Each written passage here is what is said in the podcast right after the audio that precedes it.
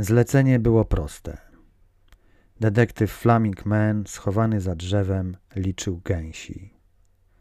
Policja, poproszę dokumenty, powiedział jeden z dwóch mundurowych, którzy podeszli od tyłu. Załatwia się pan w miejscu publicznym, powiedział policjant. Ja się nie załatwiam, rzekł Flaming Man. Ma pan rozpięty rozporek, zauważył ten, który do tej pory się nie odzywał. Flaming Man spojrzał w dół.